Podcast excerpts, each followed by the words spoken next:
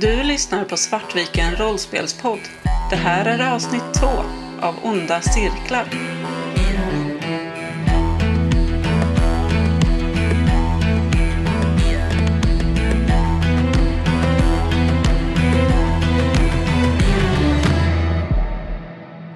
Ni går och lägger er. Och nu vill jag att alla utom Göran blurrar. Du eh, somnar, faller in i en tung sömn och i djupa drömmar. Du drömmer om hur du slits från den du älskar, bokstavligt talat. Du verkar oförmögen att kontrollera din egen kropp. Vad den gör är det som att din kropp är oförmögen att svara. Det är som att du blir buren, men du är inte riktigt säker. Allt är så mörkt och så suddigt. Du hör hur vågor slår mot stranden och du hör hur ni närmar er dem. Ljudet blir allt högre och du kommer närmare och närmare vattnet och du känner hur någonting sänker dig ner. Och din kropp vidrör det kalla vattnet. Du känner kylan omsluta dig och din, din kropp blir helt kall. Kylan letar sig in genom dig, genom din mun, genom din näsa. Du försöker skrika men du möts bara av mer vatten som tvingar dig in i, i munnen och kväver alla ljud. Den enda värmen som finns kvar i världen är de två händer som greppar dig. Men greppet är hårt och bestämt. Och det finns inga antydningar att den som håller om dig försöker rädda dig. Tvärtom.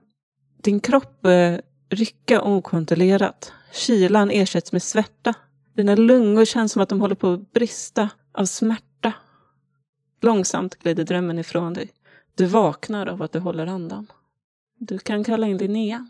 Linnea, du eh, faller in i en eh, tung sömn. Du inser hur utmattad du är. Och du drömmer. Du drömmer om hur du tar någonting för någon som älskar det. Ett bylte.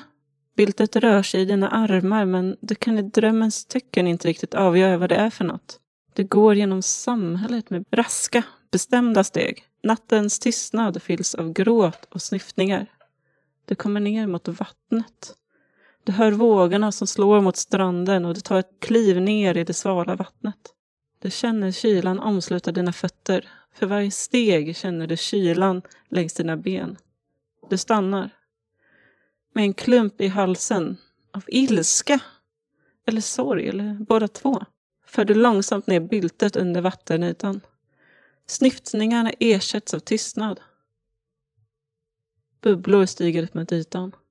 Byltet börjar rycka och försöka slita sig. Men ditt grepp hårdnar. Och till slut så stillar sig byltet. Du släpper taget, låter det flyta iväg. Du vaknar. Hmm. Du kan kalla in de andra. Monica och eh, Gustav, jag vill att ni två ska slå uppmärksamhet.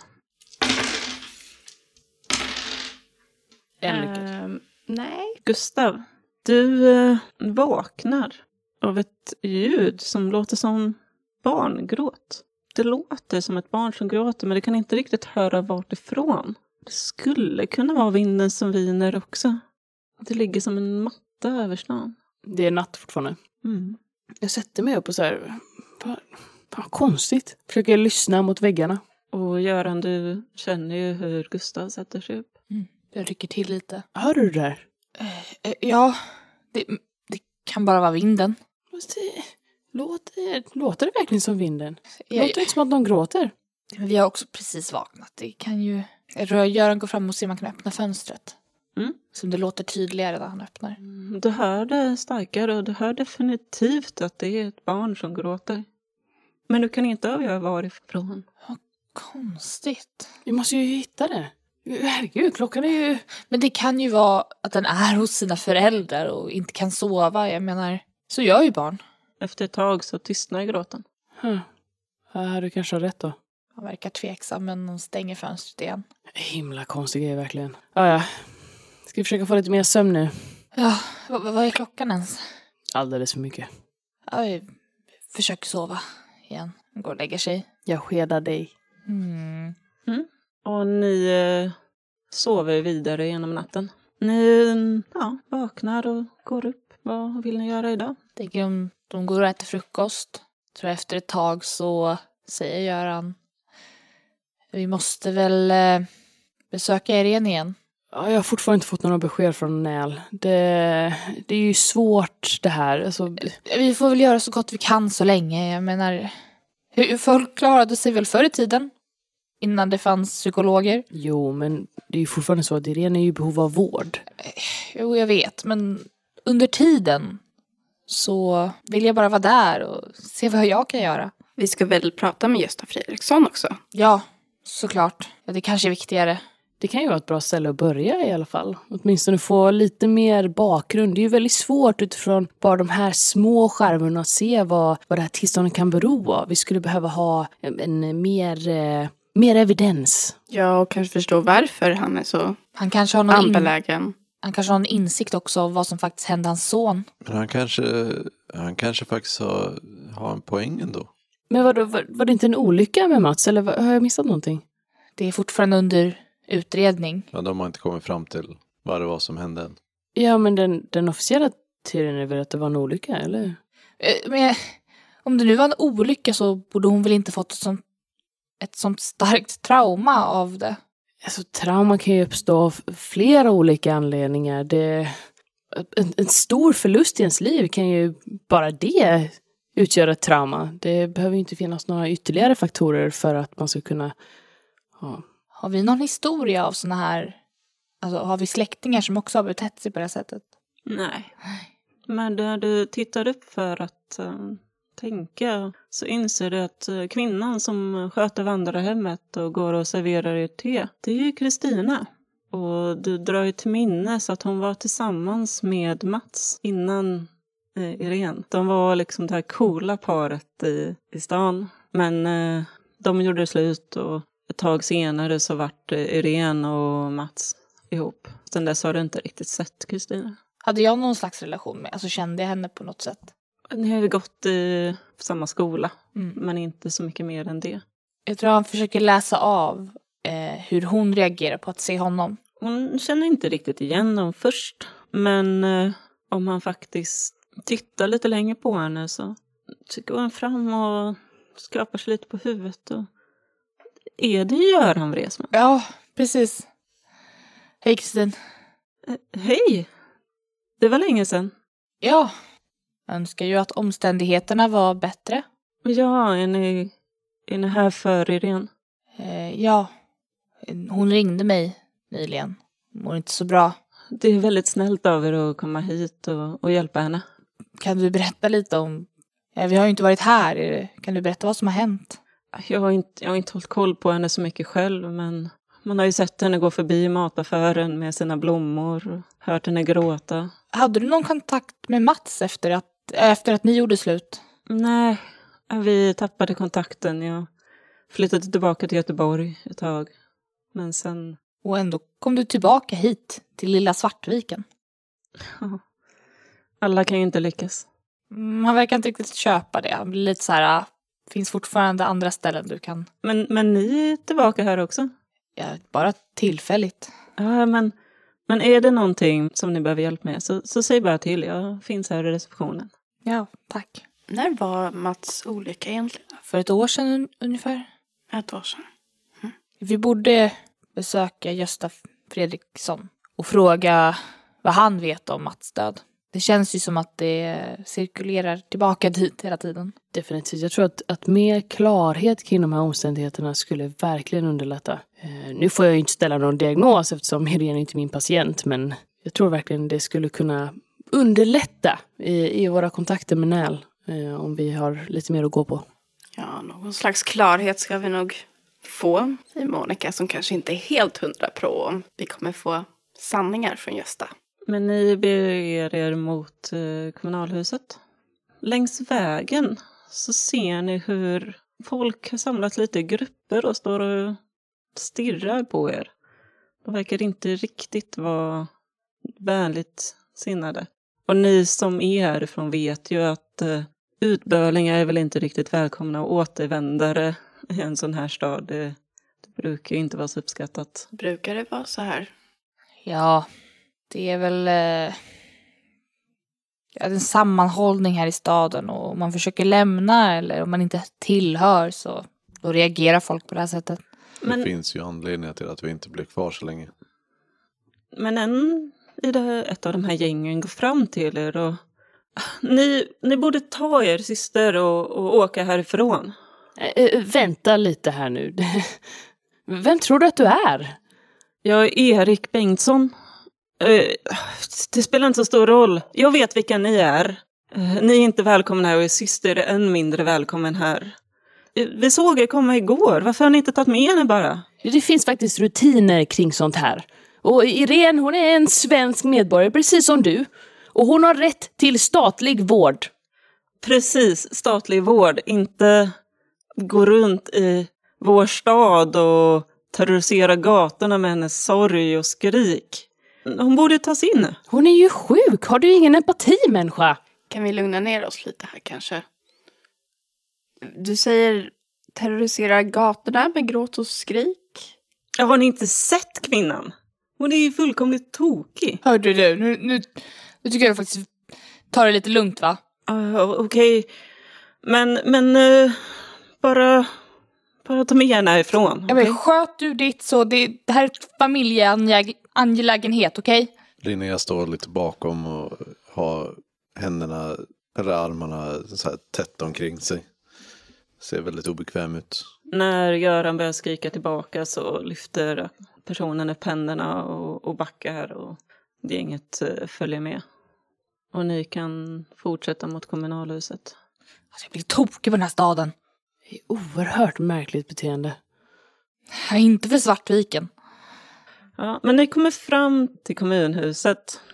Till hälften kommunhus, till hälften hembygdsgård. I ena delen så finns det tidskrifter och böcker om Svartvikens historia och andra är den reception där man kan skriva in sig och få träffa de som jobbar i huset. Finns det eh, så här, tidningsurklipp om olyckor som har hänt och så? Mm, det skulle jag tro. För jag tror att Göran skulle vilja kolla om han hittar någonting om drunkningar. Men du går dit. Vad gör ni andra? Jag går fram till receptionen. Jag följer med. Ja, har ni ett eh, bokat möte? Eh, nej, men eh, vi skulle gärna vilja tala med eh, Gösta Fredriksson. Det gäller eh, den här namninsamlingen som han har satt upp. Och hur var ditt namn? Eh, mitt namn är eh, Gustav Klint. Psykolog. Att jag inte sen kände igen dig. Gustav, jag, jag har sett dig på tv. Ja, det kan nog ha hänt. Ja, jag älskar verkligen dina, dina shower. Du är någonting alldeles särskilt. Vad, vad för dig till Svartviken? Familjeangelägenheter faktiskt. Och det är därför vi måste prata med Gösta också. Så att om du skulle kunna ordna något möte med honom så hade det varit djupt uppskattat. Ja, han, han är inte inne just nu, men eh, han scrollar lite. Han ser ut att vara ledig vid tre. Perfekt. Men, men tror du du skulle kunna boka in oss för ett möte då? Så att... Hon eh, skriver upp dig. Gustav Klint alltså. Wow. Eh, Göran, du går in i hembygdsföreningen och börjar söka på saker som hänt i Svartviken. Då kan du slå ett slag för efterforska. En. Ja, när du börjar forska tillbaka lite så hittar du att eh, det var ju väldigt länge sedan nu, men Svartviken var ju känt för när det startade. Det var ju många fiskebåtar som var ute och det var ganska många av dem som inte kom tillbaka. Det ryktas om något hemsökt varelse i havet som eh, drar ner och dränker folk, men även eh, återuppväcker de döda. Mm. Det finns historier om, eh, ja, myter nästan. Om eh, att staden hade problem med någonting som heter mylingar. Han lägger det på minnet. Ja, det är förmiddag nu. Eh, Ni kommer inte träffa Gösta förrän vid tre. Vart beger er ni? Tänk att vi beger oss tillbaka till eh, Irene. Mhm. Om ni knackar på så öppnar hon dörren och tittar på er. Och sen så går hon tillbaka till köket och fortsätter laga mat. Gustav smiter nog upp på övervåningen för att eh, snoka Vart snokar du? i eh, sovrummet. Du hittar inte så mycket där. Det är lite kläder som ligger utspridda på golvet och sängen är fortfarande obäddad. Då tar jag mig till arbetsrummet. Mm. Det är ett eh, skrivbord som står i stora delar av rummet. En gammal dator, sån här tjock dator, eh, står på skrivbordet. Och det ligger massa små anteckningsblock och lappar. Står det någonting på lapparna och anteckningsblocken? När du börjar kolla så ser du att det är anteckningar på pokerhänder och hur eh, Mats har eh, spelat väldigt mycket pengar. Det har gått oftast väldigt dåligt. Hittar du andra lappar där det står hur mycket han har skrivit upp från att han har tagit från det gemensamma kontot. Han har vunnit ibland men det har alltid gått tillbaka in i spelet. Och ingenting annat som är kopplat till specifikt Irene utan inte specifikt till Irene så, men du hittar en mobiltelefon. En sån där gammal eh, dumbphone. Eh, Men den är urladdad. jag börjar leta efter en laddare. Mm. Vi tre andra sitter nere i köket. Efter ett tag så vänder sig Linnea till Göran och säger Vart tog eh, Gustav vägen? Jag, jag vet. Jag vet inte om han skulle på toaletten. Han kanske har gått vilse. Jag går och ser efter. Tror han går. Linnea nickar och tittar mot Monica. Monica vill nog passa på att försöka ta kontakt med Irene. Jag tror att hon liksom gör henne sällskap i och, och fixa. Eh, och lite ställa sig kanske bredvid. Och prövar att presentera sig. Prövar att försöka ta liksom, kontakt och säga. "I- Irene, Hej. jag tror inte vi har presenterats. Eh, jag är Monica Järvedal. Mm. Jag är privatutredare och en vän till din syster. Och lägger upp köttbullarna som hon har stekt på en tallrik. Och, ja, ska jag laga mer köttbullar? Ehm, det kan du göra om du vill, om det får dig känna dig bekväm. Ja, det, det är tre stycken. Hon eh, går in eh, och öppnar upp kylen och häller upp eh, lite mer. Monica går efter. Ursäkta, men Mats, han var med om en olycka. Hon svarar inte på det. Allting här är lika risigt som förut va? Mm. Ja. Förutom de delarna som du har städat. Ja. Gustav, du hittar en laddare. Jag kopplar i den här telefonen. Och det tar ett litet tag men den, eh, den startar och den är inte skyddad. Jag klickar in mig på meddelanden. Du kan eh, se sms från för ungefär ett år sedan. Det är, det är tre stycken. Tidigare än så finns inte. Det är med någon som heter K. K säger Jag är tillbaka. Vi borde ses. Och du ser hur Mats svarar att Nej, vi borde nog inte göra det. Och sen ett sista mess ifrån K. Vi, vi borde mötas. Jag har någon med mig som eh, vill träffa dig. Det kanske är ungefär då som eh, Göran kommer dit. Ja. Gustav? Uh, uh, oh, gud. Och vad gör du? Eh, nej, men jag har bara kollat runt lite. Jag, jag tror verkligen att om vi analyserar Irens omgivning Eh. så kommer vi kunna... Gustav. Det här är min syster vi pratar om. Det är, vi är gäster i hennes hus. Jo, jag vet. Jag men vet att hon behöver hjälp men du kanske inte ska rota bland hennes saker. Jag försöker ju bara hjälpa till. Jo, Jag vet, jag uppskattar det. Men eh, Jag vet inte när vi kommer kunna få hjälp av Nell. Alltså, vi måste ju hitta någon form av eh, situation som är hållbar just nu. Gustav, vi är inte dina patienter. Det har jag inte sagt. Nej.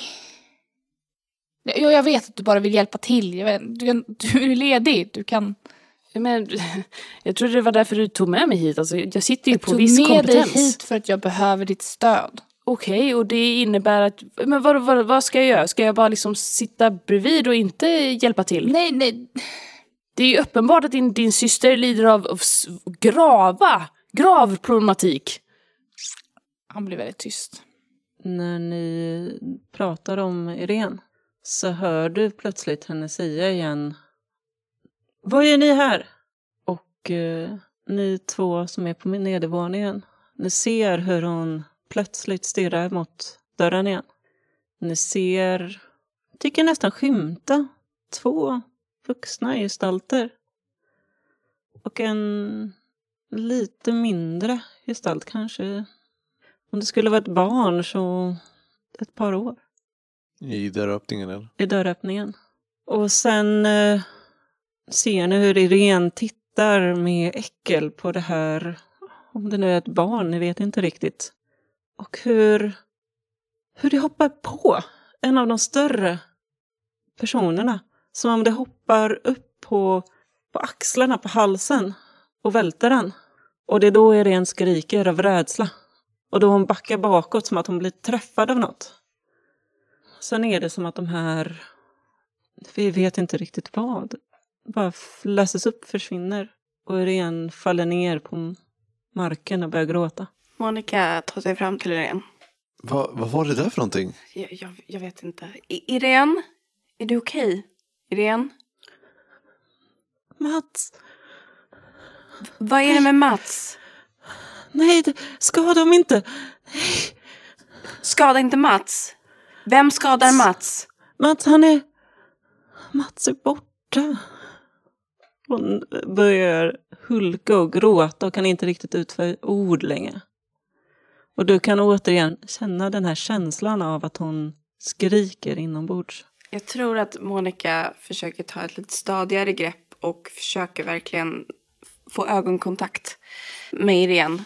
Och försöker verkligen nå fram till henne. Och eh, kallar liksom "Ir- Irene, du måste fokusera. Och jag tror att jag skulle vilja använda min förmåga.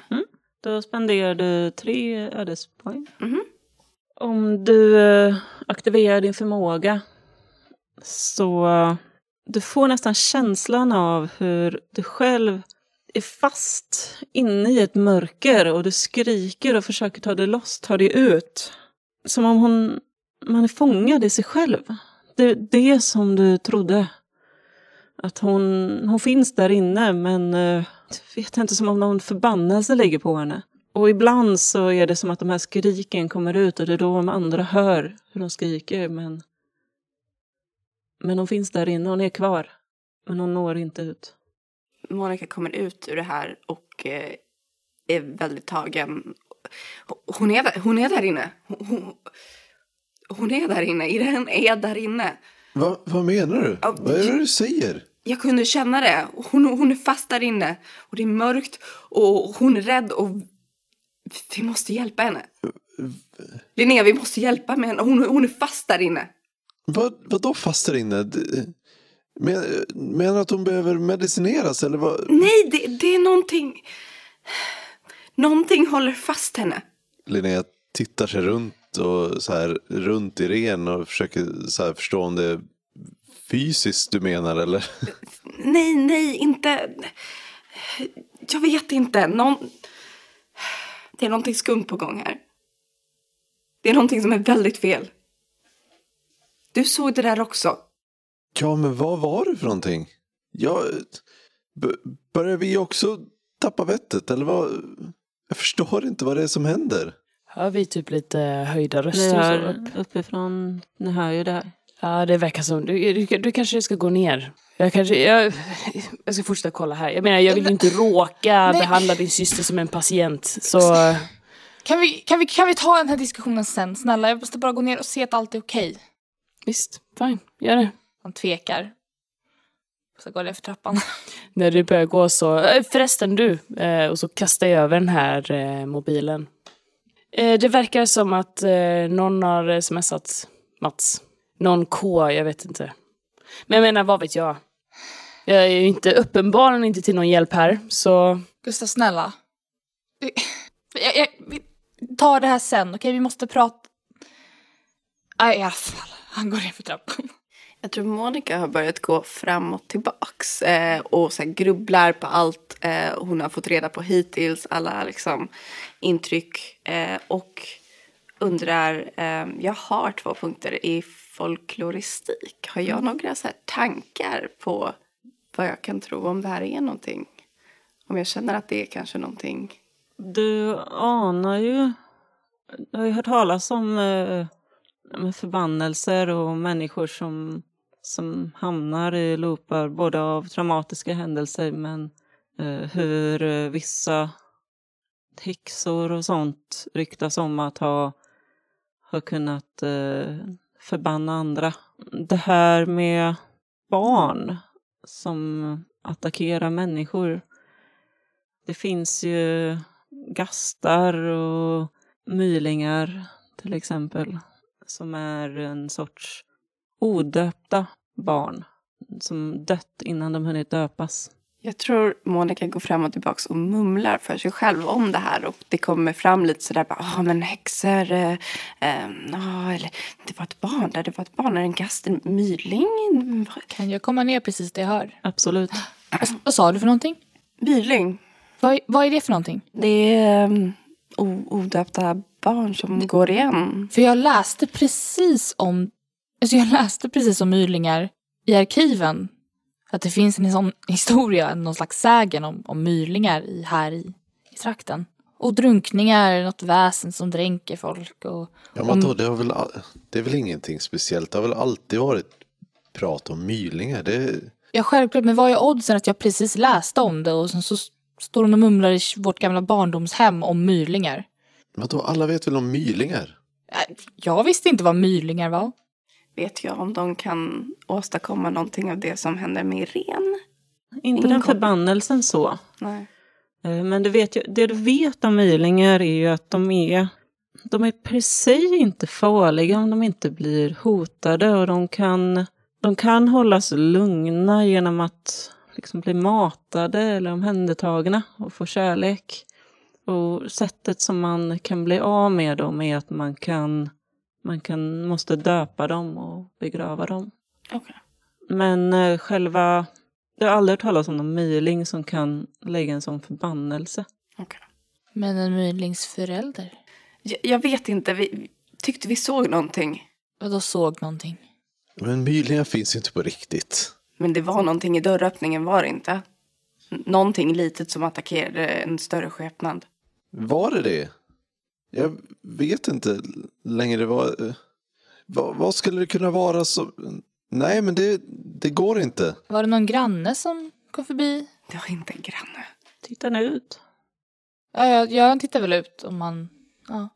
Och där ser du, du ser älgen som står i skogsbrynet och tittar på er. Verkar han göra något speciellt? Han bara står där. Och ser ut och liksom tittar på vad det är ni håller på med.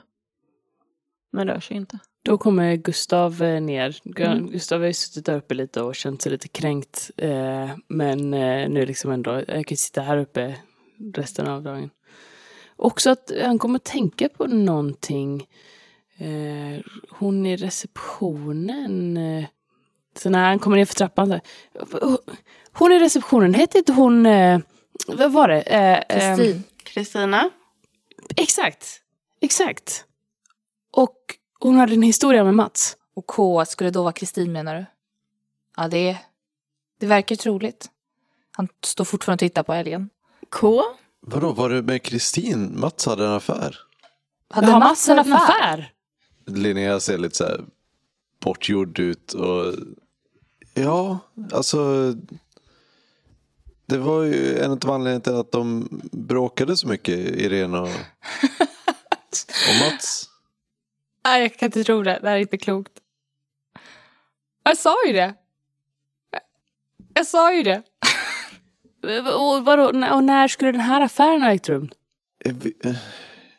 Jag är inte säker, men det var väl eh, runt där när han dog, va?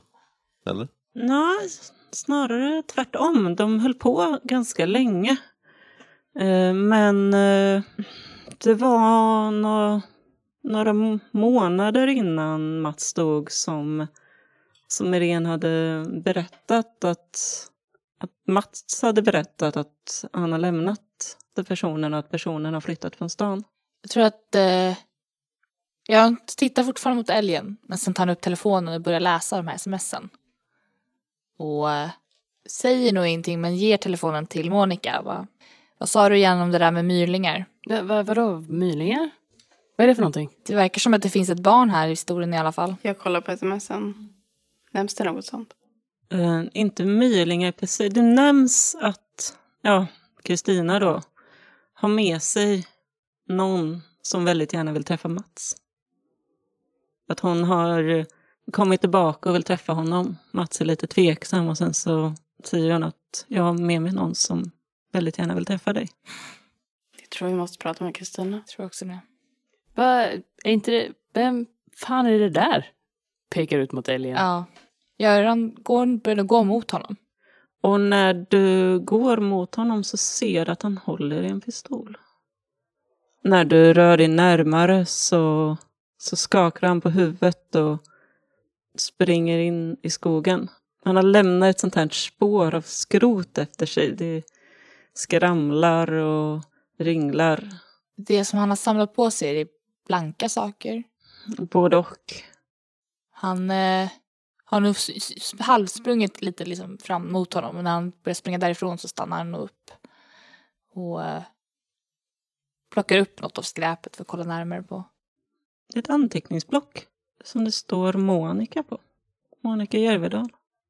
Och när du går fram till nästa sak så ser du att det där är ju, är inte det där din klocka? Som du lämnade på nattduksbordet i morse. Vad i helvete? Hej! Hörru du! Stanna! Gustav kubbar förbi eh, Göran ut i skogen. Vänta, han är, han är beväpnad! Han är beväpnad! Ni ser inte älgen, men ni ser det här spåret av eh, prylar. Och ni märker att det är era prylar. Han tycks ha varit där och ni känner den här starka doften av doftgran som älgen alltid luktar. Och om ni följer spåret djupare in i skogen så hittar ni ett ödehus. Det som man alltid åker förbi när man kommer in i stan. Jag stannar upp lite och tittar lite på det och sen så börjar jag röra mig närmare huset. Gustav. Inte det här ett polisärende. Vi kan väl bara ställa några frågor? Varför ska du alltid ta allting i dina egna händer? Därför att jag kanske tycker om att vara nyttig. Du, Även om inte du tycker att det Gustav! är en bra kvalitet. Gustav, du är nyttig. Ja, det kan man ju inte tro på dig i alla fall. Kan du snälla inte vända det här emot mig? Jag... Okej, du är nyttig, du har så mycket kunskap och jag älskar det med dig, men ibland så vill jag bara att du ska kunna vara i stunden med mig utan att jämt vara i din karriär. Men... Jag... Det här är den jag är! Om, om, om, om, om, du har ett problem med det, då har ju du ett problem med mig. Jag har inte ett problem med dig, jag, har ett, jag är i en väldigt stressig situation just nu. Och jag behöver inte bli analyserad varje stund, varje vaken stund. Ni andra två ser hur eh, de andra springer in i skogen. Eh, Irene har eh, torkat tårarna och hon är tillbaka till sin ganska tomma autopilot och börjar diska stekpannan. När de andra försvinner in i skogen så tittar Linnea, Linnea bak mot Irene. Står och väger fram och tillbaka en liten stund innan börjar gå efter in i skogen. Ja, kollar väl också efter Monica och se om Monica stannar eller följer med. Monica följer med. Och ni kommer så småningom också fram till det här eh, huset. Det är ett eh, tvåvåningshus, ett eh, gammalt rivningsobjekt som har stått här så länge ni kan minnas. Det är igenspärrat för att det är fallfärdigt och en ganska stor skaderisk. Men eh, dörren är öppen och spåret leder in. Jag tror inte att han är farlig, Göran. Han har, han har en pistol. Han har massa saker. Tänk om någonting händer. Tänk om, tänk, tänk om du blir skadad. Men ni tänker väl inte gå in i huset? Jag tror att vi måste gå in i huset. Varför då? För han sprang från platsen. Han vet ju uppenbarligen någonting. Eller så sprang han för att han har stulit lite små saker från oss. Okej, och då får vi reda på det. Okej. Jag tycker fortfarande vi ska kontakta polisen. Men eh, om jag inte kan stoppa er så då går jag väl hellre med er. Monica tar första steget för att börja gå mot huset. Och ni eh, tar er in i huset. Det är en, en trappa som leder upp till övervåningen men övervåningen är så mörken så att det skulle nog inte vara säkert att gå där. En eh, dörr med ett stort hänglås på står precis bredvid trappan. Ni ser hur älgen står och rotar i någonting i köket. Det står massa burkar med sill på bordet. Vi vill dig inget illa. Eh, vi vill bara prata lite med dig en stund. Han eh, svänger om. Pistolen ligger på bordet. Jag vill inte göra något illa. Jag, jag vill inte göra illa er, säger han, men han går samtidigt hotfullt mot er. Hans kropp rör sig liksom inte riktigt med hans ord. Varför känner du att du måste göra oss illa? Han eh, tar ett steg närmare mot, mot dig, Gustav. Ni, ni kan inte vara här. Det, det, är inte bra för er. Jag vill inte göra illa. Han börjar nästan så här hålla i sina egna händer för att han, för att han inte ska... Som att han håll, håller ifrån sig att göra något. Varför är det inte bra för oss att vara här? Gustav. De försöker så här sträcka sig efter honom. Så att dra honom tillbaka lite. Linnea börjar backa ut uh, det lilla, hon har gått in i huset. Jag gestikulerar lite med handen som att säga att jag, jag, jag kan hantera det här, I got this. Elian, varför stod du vid huset? Behövde det. Varför? Jag vet inte. Finns det någon som talar om för dig vad du bör göra, Elien? Han börjar liksom slå sig själv i huvudet och går närmare ut mot hallen. Och jag vill inte, men, men jag måste. Vad är det du inte vill? Stav.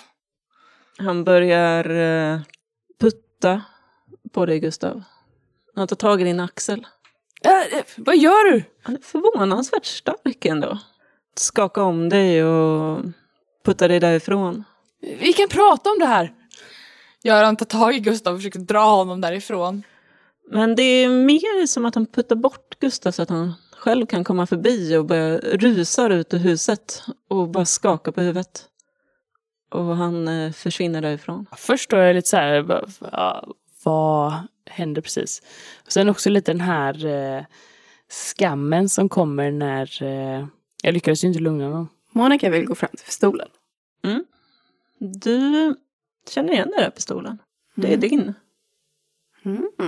Den du använder när du behöver ta i lite mer. Du brukar ju inte använda den per se, men den kan vara praktisk. Har den varit laddad? Har den använts?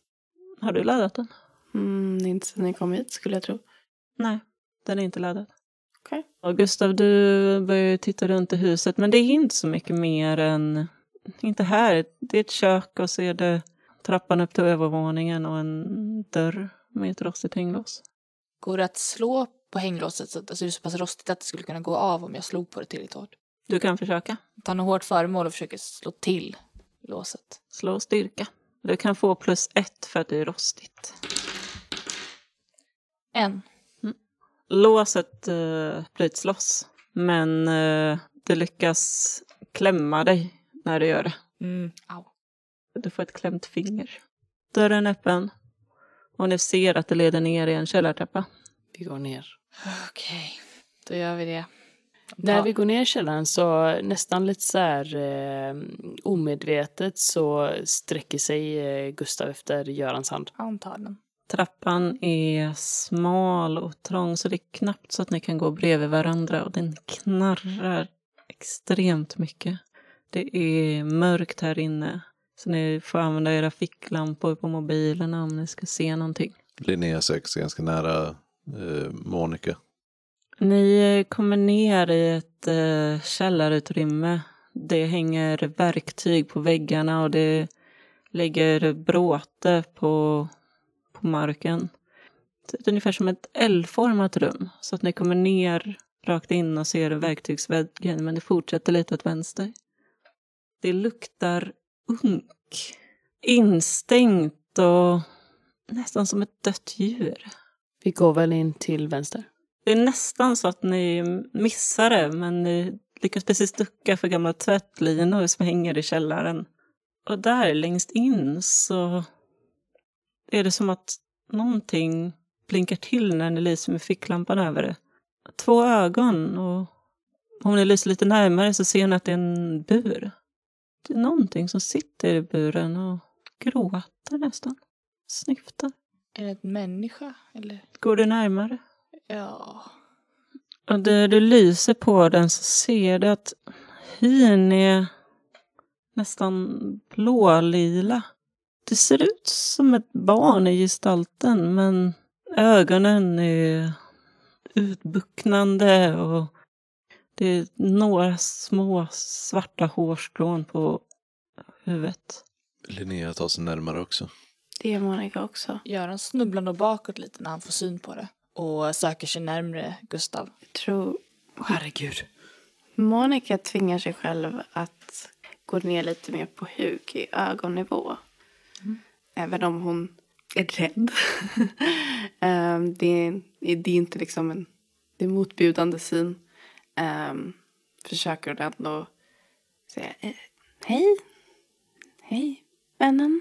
Mamma, är, är det du? Jag är, jag är inte din mamma. Mamma, jag är hungrig. Mamma, Har någon av er mat? Linnea börjar backa upp, för, backa upp mot eh, trappan som går upp till, tillbaka till huset. Jag gräver fram en så här ledsen liten snickersbar ur eh, bakfickan och så här sträcker fram lite så här, eh, omtöcknat till eh, Monica. Mm, Monica tar väl emot den. Försöker sträcka fram. Se till att öppna den först. från att vara ganska stillsam rycker till väldigt snabbt och tar snickersbaren och börjar frenetiskt tugga på den. Och den eh, backar in i sitt hörn. Mamma, jag är så ensam. Varför besöker du inte oftare? Någon som är, får döpa. Va- Vadå, va- va- vadå döpa? Vadå döpa barnet? Va- Vad är det här? Vad är det här? Det är väl en myrling? Vad är en myling? Vad händer? Han kollar på, på Monica som han har bedömt är experten och bara Monica sneglar lite tillbaka och nickar. Det är ett, det är ett barn som har dött. odöpt. Och jag tror att eh, mamma är Kristina. Okej. Efter ett litet tag så kommer Linnea tillbaka med en, eh, en av burkarna sill. Den här uh, mylingen släpper snickersbaren. Nästan kastar sig mot gallret. Riktig mat! Mm! Linnea tar sig fram till eh, buren och hukar sig ner och öppnar burken och sträcker, håller fram den lite grann. Vem, eh, vem är din mamma? Mamma, Vad heter hon? Hur ser hon ut? hon är... Tar fram en sillbit ur burken med fingrarna. Och... Vi har ju någon gammal bild på Kristina i Facebook. på Facebook. Precis, det, du kan nog leta fram en bild på Facebook. Då gör jag det och visar den för att se om jag får någon reaktion.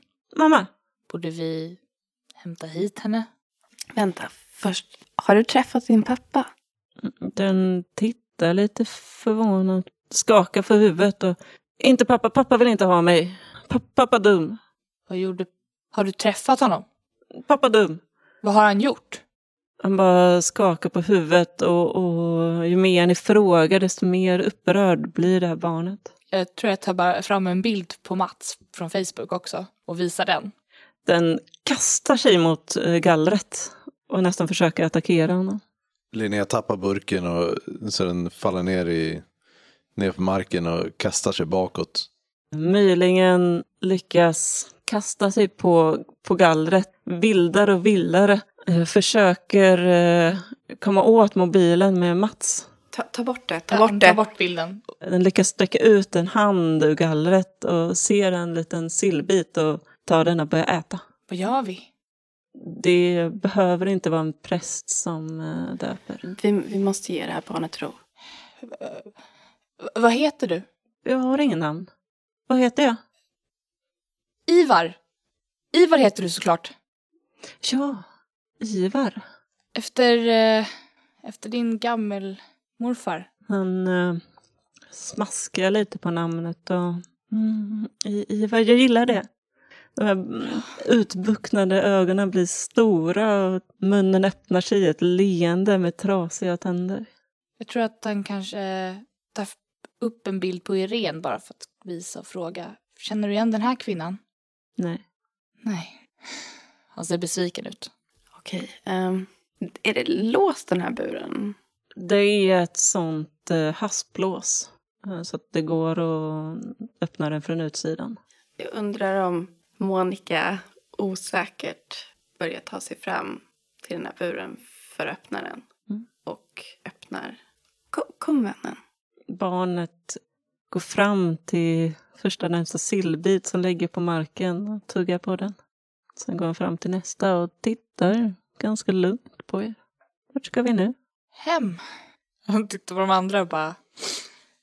Vi ska hem och fira din dopdag. Den skakar på huvudet, tar en till sillbit. Börjar gå upp för trappan, leda honom.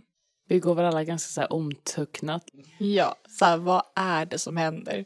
Han, han stannar kvar vid sillen, men om ni tar med er mer sill så Vi lägger med. ska vi lägga ett spår av sill. Fanns det vatten någonstans? Kan vi pröva att genomföra någon slags dopceremoni med vatten här? Det finns ju en diskho. Annars måste vi typ ner till, eh, ner till havet. Gustav går fram och så här börjar liksom skruva på den här diskon för att se vad det kommer vatten. Det gurglar och sprätter, men eh, till slut så, så rinner det. Han tittar menande på Monica. Ja, jag antar att Monica försöker komma ihåg vad hon minns från gudstjänster och tänker väl att hon ska försöka välsigna det här vattnet på något sätt. Vi behöver väl eh, en gudförälder. Ja, det... Det kan jag vara. Okej, så eh, vem ska presentera det här barnet inför Gud? Gestikulerar mot eh, Gustav. Eh, möt Gud. Ivar. Måste man ha ett fullständigt namn eller? Det räcker så. Sista i dopceremonin är ju att hälla vatten på den och det vet ju Monica att det, det räcker inte bara att döpa det, det måste begravas också. Mm. Tänker Monica kanske går fram då till Myrligen. Tar över lite från det här famlande liksom och eh, fram och låter barnet om man sträcker fram handen. Att man, Den, eh, men den tar nog din hand. Den är ganska mätt nu. ja, och eh, leder den lite närmare. Och säger väl det att eh, Ivar, jag kommer döpa dig nu, okej vännen? Och eh, tar vatten och säger väl det att i Faderns, Sonen och den helige Andens namn döper jag dig Ivar Bresman. Amen. Barnet skakar till lite av vattnet. Tittar upp och sen så faller den ihop. Oh, Men den var- är kvar. Eh, vi, vi behöver begrava den. Vi behöver hitta en spade eller något sånt där. Vi behöver gräva ner den. Jag tror att jag ställer mig vid eh, Gustav och Men hur kan han vara död? han behövde bara döpas. Och jag tror att han vilar i frid nu. Har vi någonting att gräva med? Ni såg en spade bland brötet i källaren. Jag går och hämtar spaden och så börjar jag gå ut och gräva. Du gräver en liten barngrav. Vem är det som lägger Jag tror att Monica gör det. Och sen så lägger ni ett spadtag jord över ett till och det är en ganska liten grav. Och när det sista jorden har lagts på så är det som om en suck går igenom er och genom stan. Och ni kan känna att någonting släpper. Förbannelsen bryts. Göran börjar springa tror jag. För att komma tillbaka till Irens hus. Ställer sig i dörröppningen. Irene är där. Hon ser ut att må bättre. Hon är fortfarande i sorg, men det är en mänsklig sorg. Han eh, omfamnar henne. Hon kramar tillbaka. Och han släpper en tung suck. Välkommen tillbaka. Tack. Linnea står några steg bakom och tittar lite försiktigt avvaktande på den här återföreningen. Vi avslutar med att syskonen återförenas med sin älskade syster. Förbannelsen är bruten. Det över. Vad gör ni härnäst? Vad tror ni händer med era karaktärer? Det känns ju som att de borde stanna och rusta upp huset igen. Så att de liksom kan delvis bygga sina egna relationer igen. Och lösa dem. Men det känns som också att det är mycket som är lämnat uppbrutet. Mm. och ändrat. Om jag tänker på Gustav och Görans relation känns också så här, mm, här finns det något att jobba på. Men jag tänker någonstans också, så här, Gustav, eh, han lyckades ju inte riktigt eh, med det han borde vara bra på. Så det kanske också blir så lite eye-opener att eh, det kanske finns andra sätt att vara där för människor. Mm. Monica har ju en spännande bok att skriva. Hon kanske stannar kvar i staden för att bli inspirerad av omgivningarna och skriva ner vad som har hänt. Linnea kommer nog börja återvända till eh, Svartviken med lite mer regelbundenhet. Och faktiskt försöka knyta en relation till sin syster. Och inse lite så här att det här med att människor i hennes närhet, det är inte bara deras jobb att vara kvar i hennes liv utan hon måste dessutom så här lyckas vara kvar i andras liv. Mm. Jag tror också så här, det är skillnad på vad jag vill ska hända också och vad som jag tänker att Göran skulle vilja göra.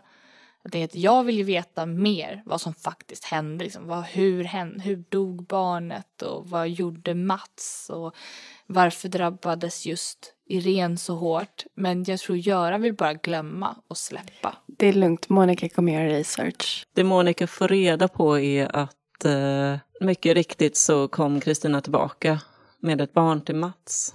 Eh, Mats blev ursinnig och ryckte barnet ur Kristinas händer och tog ner det till sjön och dränkte det.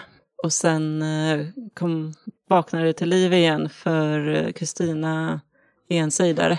Hon har magi i sig. Så Kristinas magi väckte mylingen till liv och de kom tillbaka till huset och hämnades på Mats när Irene var där. Och det är Kristina som har lagt förbannelse både på älgen och nu fick ni inte uppleva det så mycket men även på lokalbefolkningen att de kommer bli ändå mer aggressiva och vilja få bort personerna ändå mer. Men det var onda cirklar. Du har lyssnat på Svartviken rollspelspodd. Spelet Skrönt ges ut av Bläckfisk förlag och musiken är gjord av Alexander Bergil.